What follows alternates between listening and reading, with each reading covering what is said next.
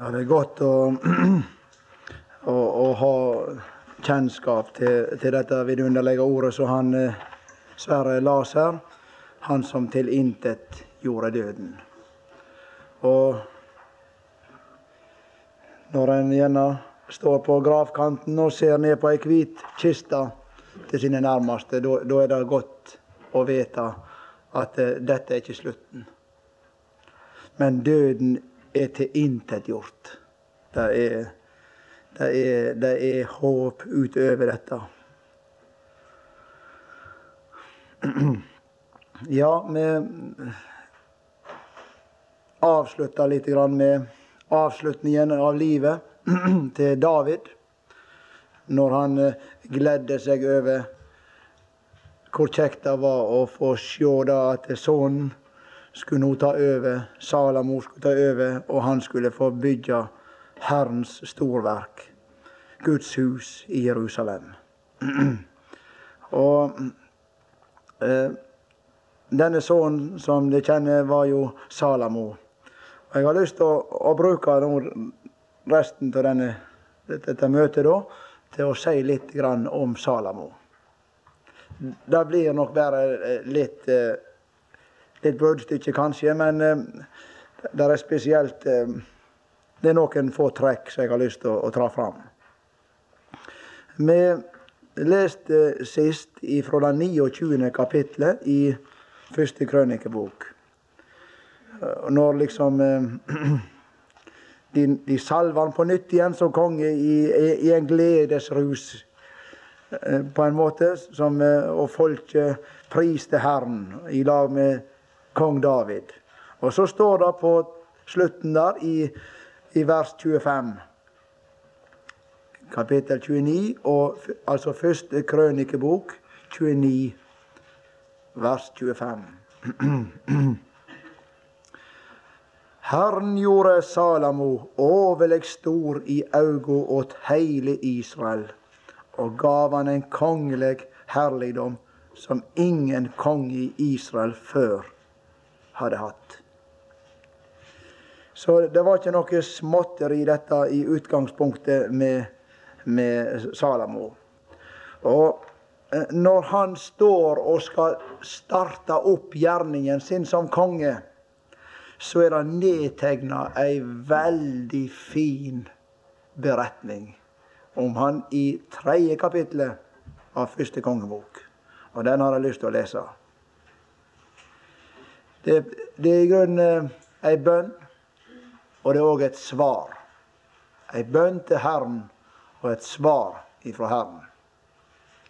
Og vi har nedfelt noen sånne bønner i Skriften. Og de er skrevne for å lære oss å be.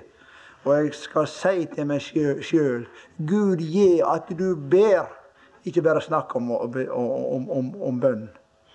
Der føler jeg meg veldig truffet sjøl. Det hender seg av og til jeg tar det fram, men hvor mye ber du sjøl? Det er en mann på Sandvoll. Uh, han uh, er jo død. Han har jo navnet nærmest. Sandvoll. Han er død for noen år siden nå, selvsagt, men uh, han heter Hans Sandvoll. Det var en bønnemann.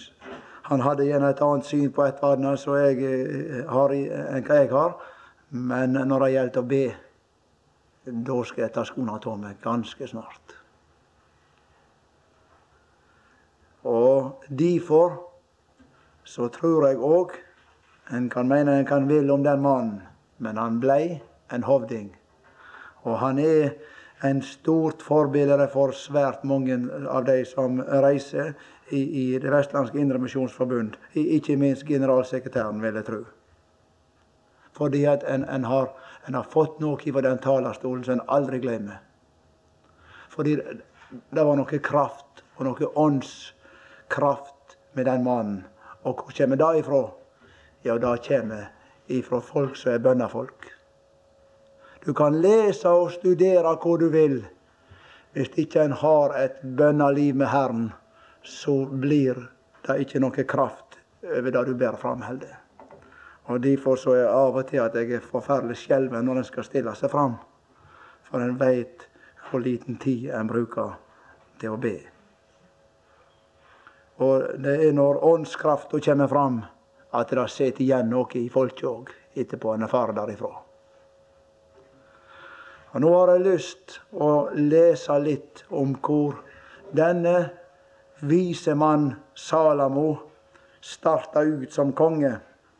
Og, og, og, og, det leser vi om i det tredje kapitlet. Og nå hopper jeg litt. Jeg skal komme litt tilbake til vers 1 og osv. Men jeg hopper rett ned til vers 3 der i første kongebok. Der står det noe fint om han. Salamo elska Herren. Er tre fine ord. Det er tre fine ord. Han gjorde det. Salamo elska Herren. Det som en elsker, det vil en òg bestreve på å lye og, og følge etter. Og, og, og, så skal vi se hva han sier her videre når han skal be. Salamo elska Herren, så han heldt seg etter føresegna åt David, far sin. Eh, likevel ofra han på haugane og brende røykelse der. Det var ikke kommet opp noe hus som en kunne ofre i. Og så står det eh, Og kongen for til Gion, eh, unnskyld, Gibeon og ofra der, for der var gjeveste offerhaugen. Tusen brennoffer bar Salamo fram på alteret der. Og så står det Og Gibeon synte I Gibeon synte Herren seg for Salamo i en drøm om natta. Gud sa, Si hva du vil, jeg skal gi deg. Eller be om det du vil, jeg skal gi deg. Og så er han Han begynner denne bønna si. Denne mannen David. Og, og her kommer noe veldig fint. Salamo svarer. Og legg merke til hva han begynner nå når han skal be. Legg merke til hvordan han begynner. Salamo svarer. Du, sier han til Herren, du har vist stor miskunn mot David, far min, tjeneren din. Av de han færast for de åsyn i sanning og i rettferd og i hjartans ærligdom mot deg.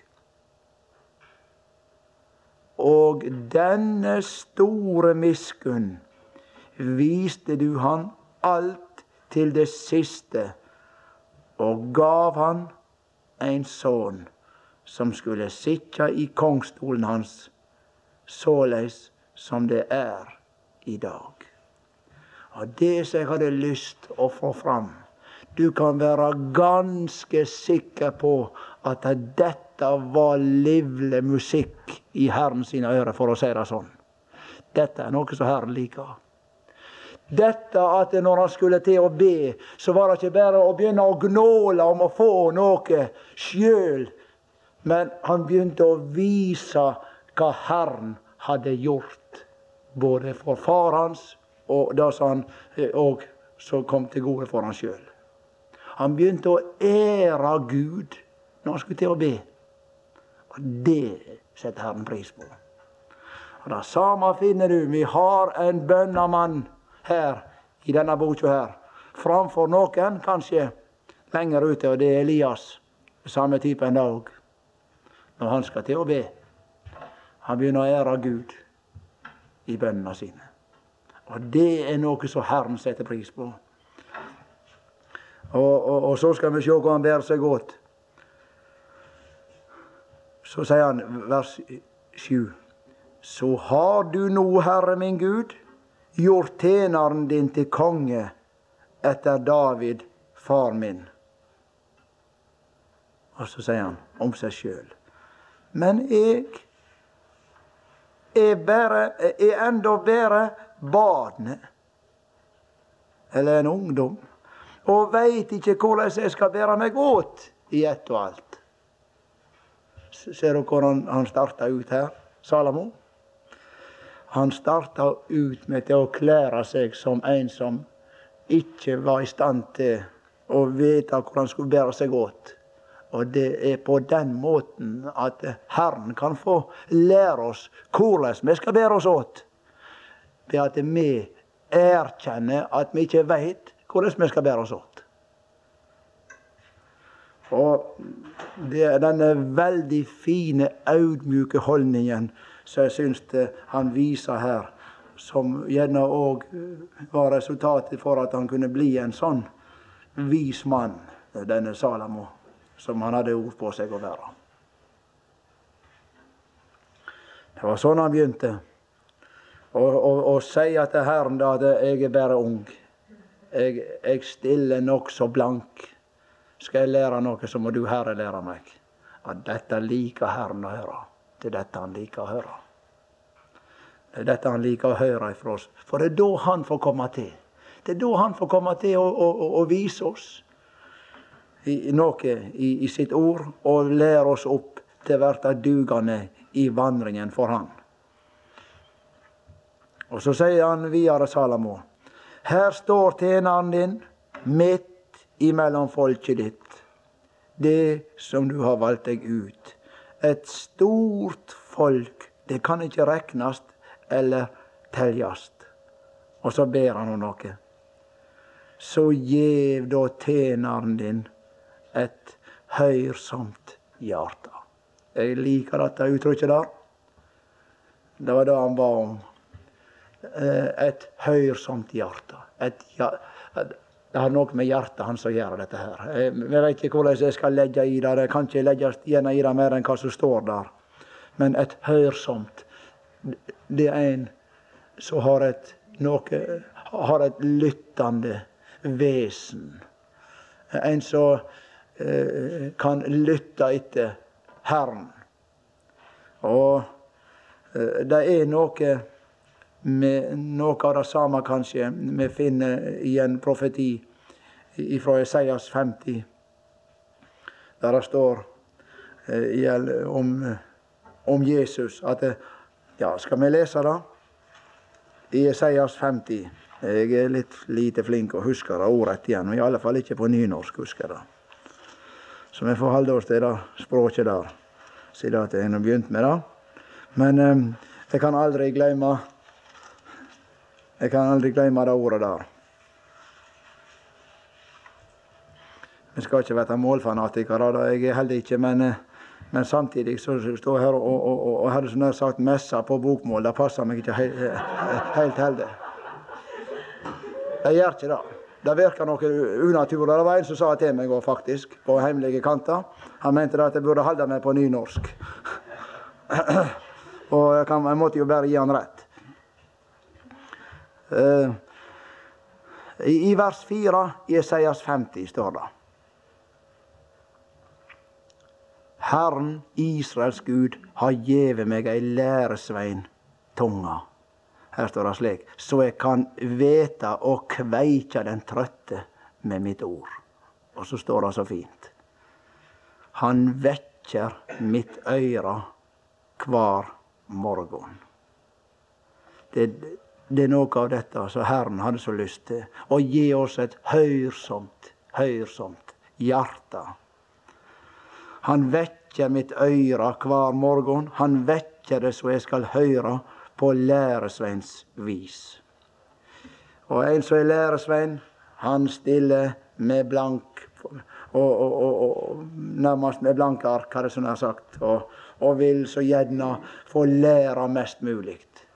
Det var sånn Salamo så seg når han skulle ta til på den store gjerning som han var utpeka til. Gi meg et høyrsomt hjerte. Og det, det hjertet Herren så gjerne må få stelle med òg. Det er eh, Det står en plass i ordspråket vel at Sønnen min, gjev meg hjertet ditt. sier han. Altså, du kan gi meg mye, men kan ikke jeg få, få hjertet ditt? Det er det viktigste. Og det er det Herren er ute etter òg. Han er ute etter hjertet. Har han fått hjertet, så har han fått alt, hadde som jeg sagt. Og det er det er noe med hjertet vårt. Eh, ta Josef. Du ser det. Det var noe med hjertet hans òg. Vel kunne han være konge, men eh, det, han, eh, han, eh, han hadde et hjerte. Han hadde nød, han òg. Så det, det, er det er slik det, Herren må få, få, få, lære oss opp, og han vil så gjerne ta hand om hjertet vårt. Slik at vi kan bli brukende for han når vi skal gjøre noe for han òg. Da blir det ikke så hardt heller, det som vi steller på med. Det som vi sier og gjør. Jeg vet jeg kan gjerne falle falle knusende harde dommer. Altså, det som en sier, det virker knusende og hardt. Men eh, når Herren får stelle med hjertet, så blir det litt annerledes på en måte. Men han ba her Salamo så jeg kan være dommer for folket ditt. Så jeg kan skilje mellom godt og vondt. For hvem kunne ellers være dommer for dette folket som er så tallrikt. Vi vet òg at vi må få våre sanser oppøvde, så vi kan skilje mellom godt og vondt. Det trenger vi å be om, så visst, slik som han gjorde. Og så står det så fint her Det tektest Herren vel at Salamo ba om dette. Der får du kvitteringen. Herren likte dette. Han likte slike bønner. Dette, dette, dette, dette går, går, inn, går inn rett i hos Herren. Og så får vi der eh, litt av eh, svaret, kan du si, på en måte òg. I eh, eh, vers 10 og, og, og, så videre, i samme kapittel. Ja, det var jo det jeg leste. Vi kan bare lese videre, da. Og Gud sa til han, etter de du ba om dette, og ikke ba om at du måtte få leve lenge, eller at du måtte være rik, verta rik, eller at uvennene dine måtte dø, men bare at du måtte få vet til å skjønne hva som rett er. Ser du? Så vil jeg gjøre det du ba om. Jeg vil gjeve deg så jeg vil gjeva deg så vist og vetugt et hjarte at det aldri før har vore din like, og kjem ikkje sidan heller. Og det som du ikkje ba om, det òg vil jeg gi deg, både rikdom og æra, så det ikkje i all tid skal finnast en like mellom kongane.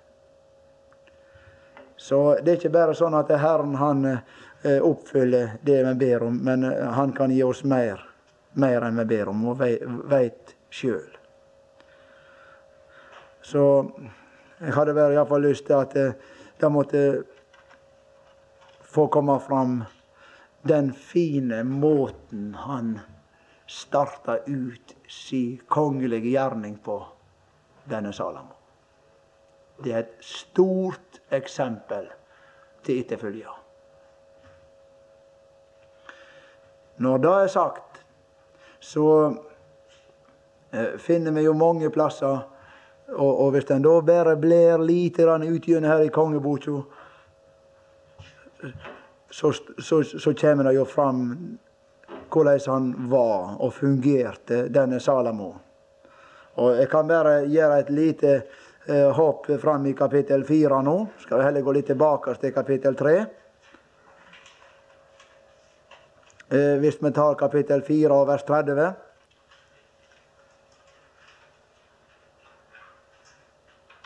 Dette er sånn som dere sikkert kjenner til. Salamos visdom var større enn visdommen åt alle austmennene, og større enn all visdommen åt egypterne. Han var visere enn alle mennesker, står det. viser den eter han osv. Jeg skal ikke si mer om det. Og, og, og øh, øh, En kunne lese ut gjennom, og, og det blir jo referert til han i Nye testamentet òg, til Salamo. Og, og, og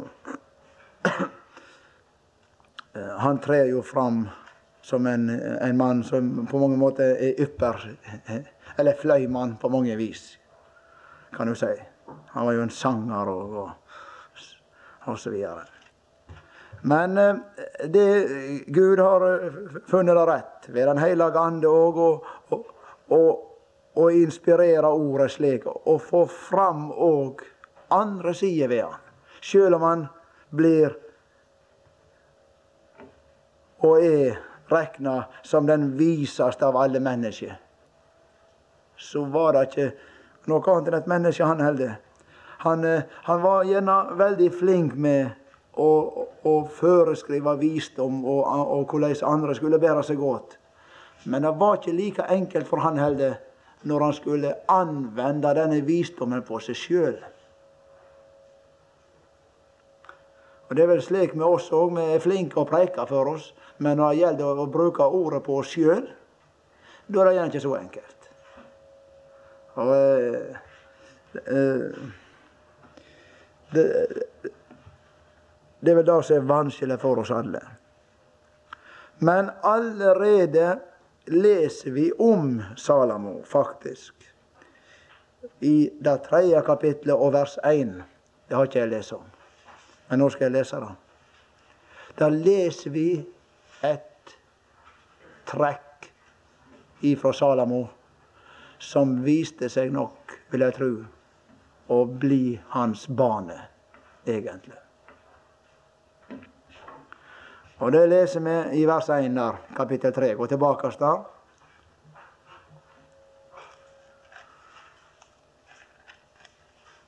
Eh, og eller Salamo kom i gifterskilskap, altså han eh, i, i eh, svogerskap, med farao, kongen i Egypterland.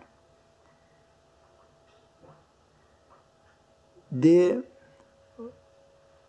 hadde Herren klart sagt ifra at en skulle passe seg for slikt for noe. Jeg skal lese litt om Egypten. Og Nå kunne en tatt fram mange historier der. Men sjå nå bare i Esaias 31. Der har vi en klar formaning. Esaias 31 og vers 1.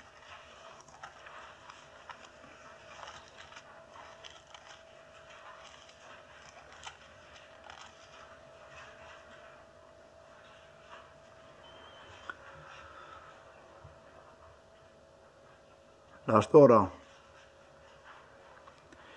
Usele de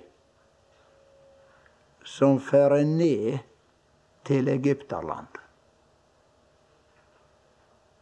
etter hjelp, og lit på hester og stoler på vogner, fordi de er så mange. Jeg syns dette er et typisk ord, altså. Det var ikke spøk å, å søke kontakt med Egypten. Det fikk mange svi for. Og, og, og, kanskje den første gang vi leser om dette, det er fra Abrahams historie, som det sikkert kjenner godt til. Når det kneip om med mat, så var han ikke mer åndelig, Abraham, enn at han måtte gjøre det på enklest mulig vis. Hvorfor kunne han ikke ta oss og be til Gud om at han kunne gi han noen brødleiver som han kunne ha til å leve av? Så mye måtte han tro på Herren, egentlig, denne mannen der. Han som hadde til og med tatt ut ifra avgudene og gått på Herrens ordre, kan du si. En gammel mann tatt ut på i, og skilt lag med venner og sin nærmeste slekt. Og prøvde å følge Herrens kall. Men når det kneip på med mat, det ble hungersnød i landet, så la han seg ikke ned på et alter og ba Gud om å få noen brødleiver ned fra himmelen. Hvorfor kunne han ikke gjøre det? Det gjorde han ikke. Nei, hva gjør han da? Da må vi ta oss en tur ned i Egypt, sa han. Og så ser vi Så vet vi hva som skjedde der. Da måtte han til å lyge litt når det gjelder å være redd for kona si osv. Og, og, og, og enden på det ble at han var jaga der utifra. Han ble jagd derifra. Og det var en parentes i, David, i, i, i, Abraham sitt liv. Han var flere turer der til òg. Og, det, en kunne finne flere eksempel. Men, men, men, det var klart sagt her eh, De var mange, og det var lett å søke hjelp derifra. Men det var ikke Herrens vei å søke hjelp ifra Egypten. Og Egypten står som bilde i Skriften på de som gjør seg uavhengig av Gud. Det vil jeg påstå de gjør. Det kan jeg lese om andre steder. Eh, eh, de hadde ja, Nå kommer jeg litt utenom teksten, altså, nær sagt, men det får nå våge seg. Eh, de hadde Nilen. De trang ikke gjøre sånn som når, når, når de var inne i løftets land, i Kanas land. Så liksom så en opp til himmelen og himmelen gav regn til grøda. Men eh, egypterne de hadde elva, de. De hadde Nilen. Og så lagde de små bekker ut ifra eh, elva, slik at de, de, Om det regner eller ikke, spiller ingen rolle. Vi, vi har elva med. De var helt uavhengige av det som kom oventil. Og sånn er det i, i grunnen i verden i dag òg. Det er typisk verden. Uavhengig av Gud. Og dette ligger snublende nær for oss òg. Ordne oss slik at vi er helt uavhengige av Gud. Vi er forsikra opp og i vente, alle sammen som sitter her sikkert. Og det er jeg òg. Om vi kolliderer eller noe, det betyr ingenting. Vi er helt uavhengige av Gud. Gud kan ikke lære oss noe slag med noe. Noe. For vi får pengene inn fra selskap etter selskap. Alt blir ordna opp. Uavhengig av Gud. Ja, ja, det, det, er bare en liten, eh, liten sak, da. Men, men, men det forteller litt hvor, hvor lett det er å, å, ordne seg slik at vi gjør oss helt uavhengig av Gud på en måte.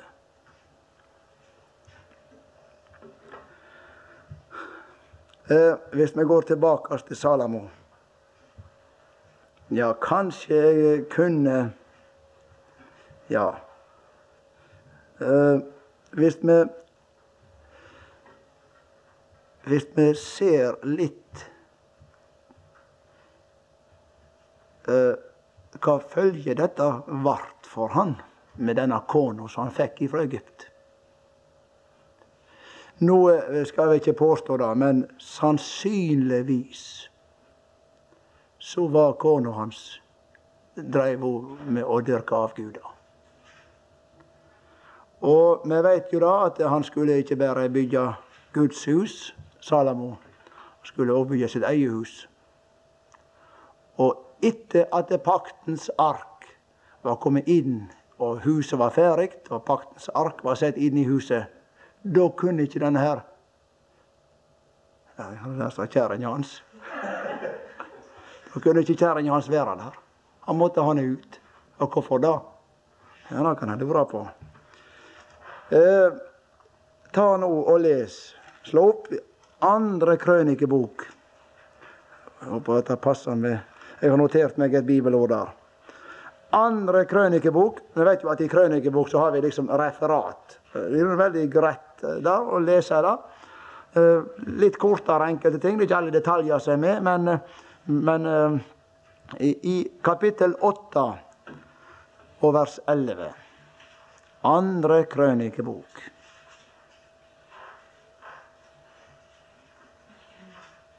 Og nå hadde altså David fått opp disse husene. Nei, Salamo, mener jeg. Salamo førte faraos datter fra Davids stad inn i det hus han hadde bygget for henne. Ja, nå leser jeg på bokmål, da, men det er nå greit For han sa, det skal ikke bo noen kvinne i Davids, Israels, eh, konges hus. Det er hellig, fordi Herrens ark er kommet dit. Han innså kanskje nå at det slik så denne kona mi lever, så kan ikke hun være inne i dette huset der Herrens paktsark står plassert. Kan ikke være der, hun. Må være et hus for seg sjøl, nærmest.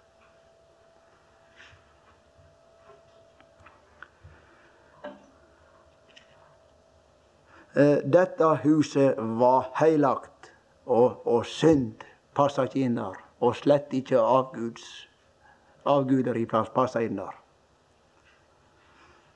Og eh, vi skulle nok tro da at eh, han kunne vært mer orientert om dette på forhånd, så han ikke inngikk noe slags svogerskap der, slik som vi leste om i kapittel 3.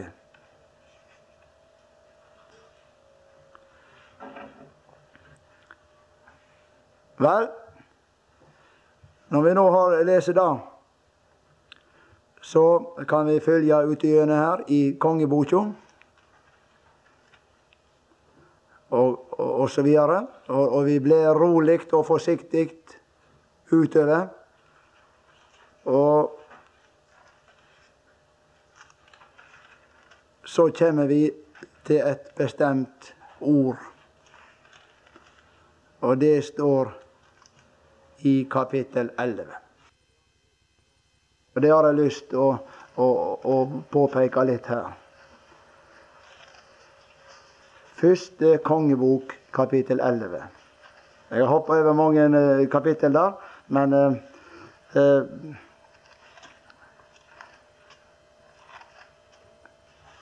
Det kapitlet begynner med en motsetning, har jeg sagt. Iallfall sånn som det står i bokmålsbibelen. Der står det 'menn'. Eh, og, og, mens vi las i kapittel 3 at eh, Salamo elska Herren, så står det her noe annet. Han elska ikke ei kvinne, men mange kvinner kvinner. Og en skulle tru da at den vise Salamo burde være orientert om at dette var strengt forbudt ifølge Moselov. Og hvis vi leser da i 5. Mosebok kapittel 17 5. Mosebok, kapittel 17. Der står det Og dette skulle en tru burde Salamo vite.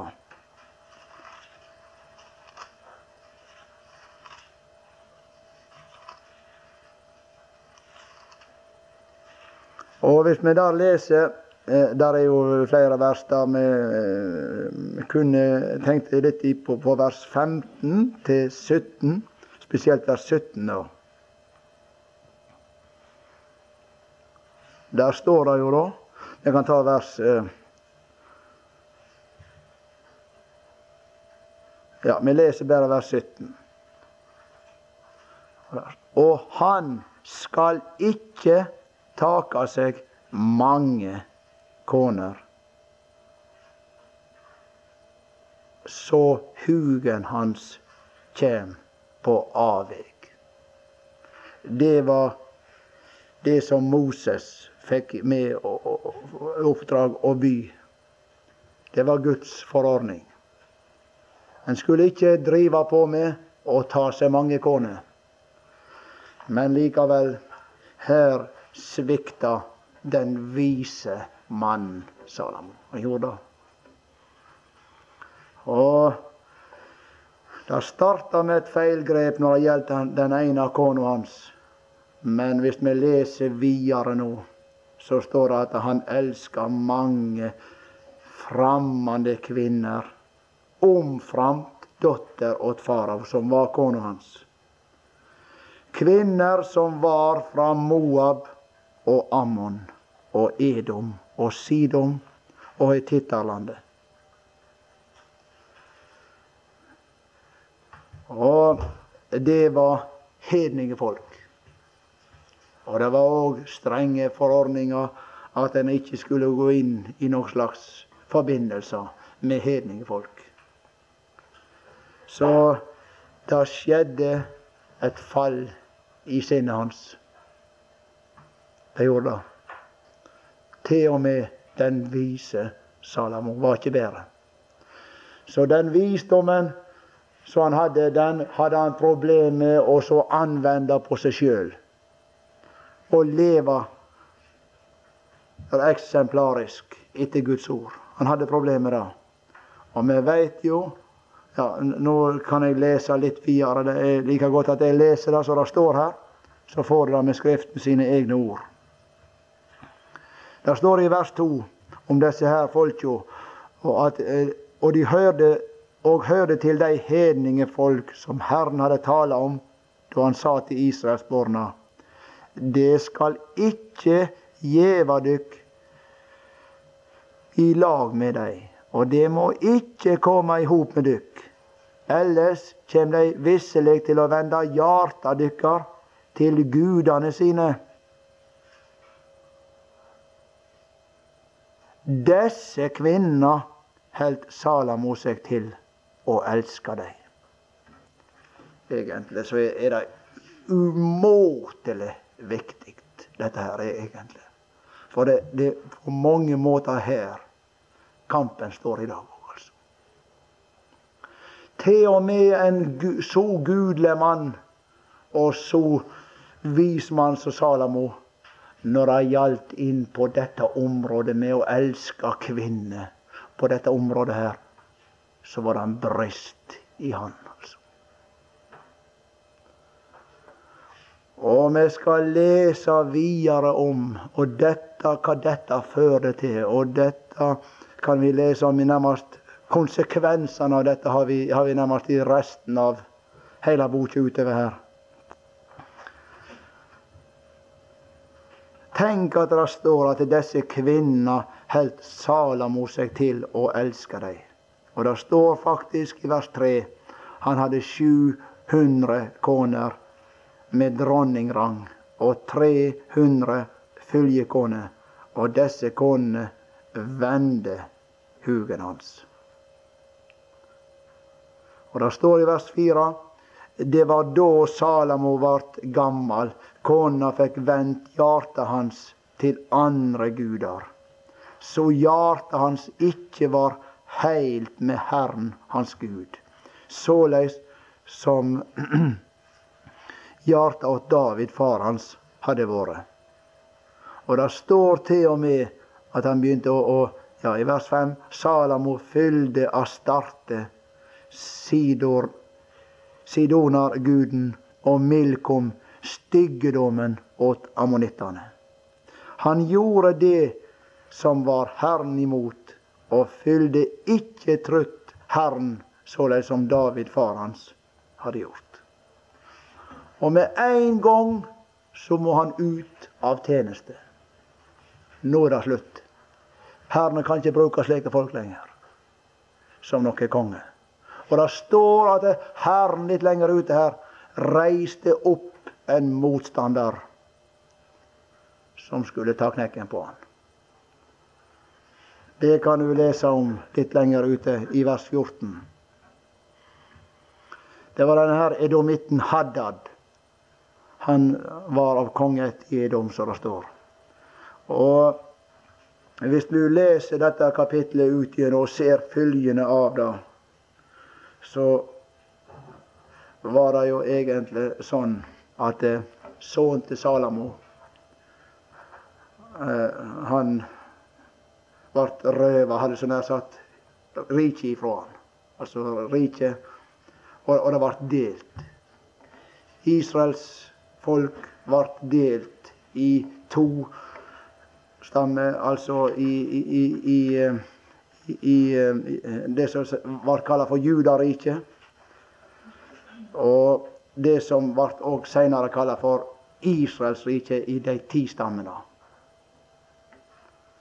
Og vi vet jo at disse ti stammene, de har og, og, og, stammene for øvrig. Nå ble disse stammene eh, blanda seinere. Det gikk folk over, over her i en annen, kan du si, seinere. Men Israels folk har jo til denne dag vært spredd imellom folket. Så jeg skal si det hadde følge, dette her, egentlig. Og nå, som jeg snakket nettopp om her eh, er Simon du heter, det? Ja. Og vi ser det for våre øyne at nå er de i ferd med å samle seg tilbake til Israel igjen. Disse stammene som har blitt spredde, nå er de begynner å komme tilbake igjen. Det, det, det hører vi nesten i nyhetene hver eneste dag. Eh, nå skal ikke jeg holde på så mye lenger. Tida er snart ute, vel egentlig godt òg. Men eh, jeg skal bare si ganske kort litt grann om fortsettelsen her. Dette vart innledningen til en av de mørkeste periodene i Israels historie. Og hvis en leser utgjennom her om disse ulike kongene, så var det ikke én konge som den har fått noe godt skussmål. Ikke én. Og vi kommer fram til den berømmelige kong Akab. Det var jo Eh, altså, Vi leser først her om, i kapittel 12 om Jeroboam. Og så kan du telje deg framover, ta kapittel på kapittel, og du kommer fram til kong Akab. Så var den sjuende kongen. Og, og, og det står om han i kapittel 16 at han gjorde egentlig enda verre enn alle som var før han. Så jeg skal si det ei, ei mørk historie, dette her, egentlig. Nå eh, er det ikke bare mørkt. Men eh, vi vet jo at Gud, han, han har råd likevel. Han har råd likevel. Han er ikke den som står for leien om alle forlater han. Så er det at han oppreiser denne profeten domsprofeten Elias, som, som, skulle vært, som skulle få stå framfor sjølveste kong Akab og forkynne hvordan forholdet var her, og hva som skulle skje. Og så fikk han vite litt om det. Nå har jeg lyst til å si litt om det i morgen. Litt om eh, om starten i profeten Elias sitt liv.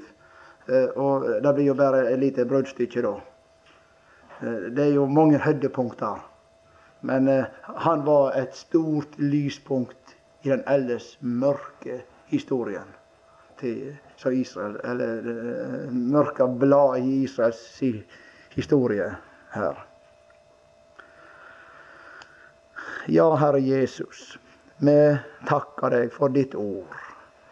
Vi veit at alt ditt ord, som òg er skrevet ned i, i, Det gamle testamentet, det er inspirert av deg. Ja, du er den som fra begynnelsen forkynner enden. Og så ser du at uh, sjøl den vise Salamo kunne bære seg åt. Og til slutt falle ned og tilbe avguder. Så har du skrevet dette til, og til oss, at det er vi som lever i dette, i denne tida. Vi måtte vare oss som ikke går i samme feilsteg som han gjorde. Og vi som står, så det, står òg ditt ord, at vi må se til at ikke vi faller. Og så har vi òg våre avguder som så lett vi kan falle ned føre.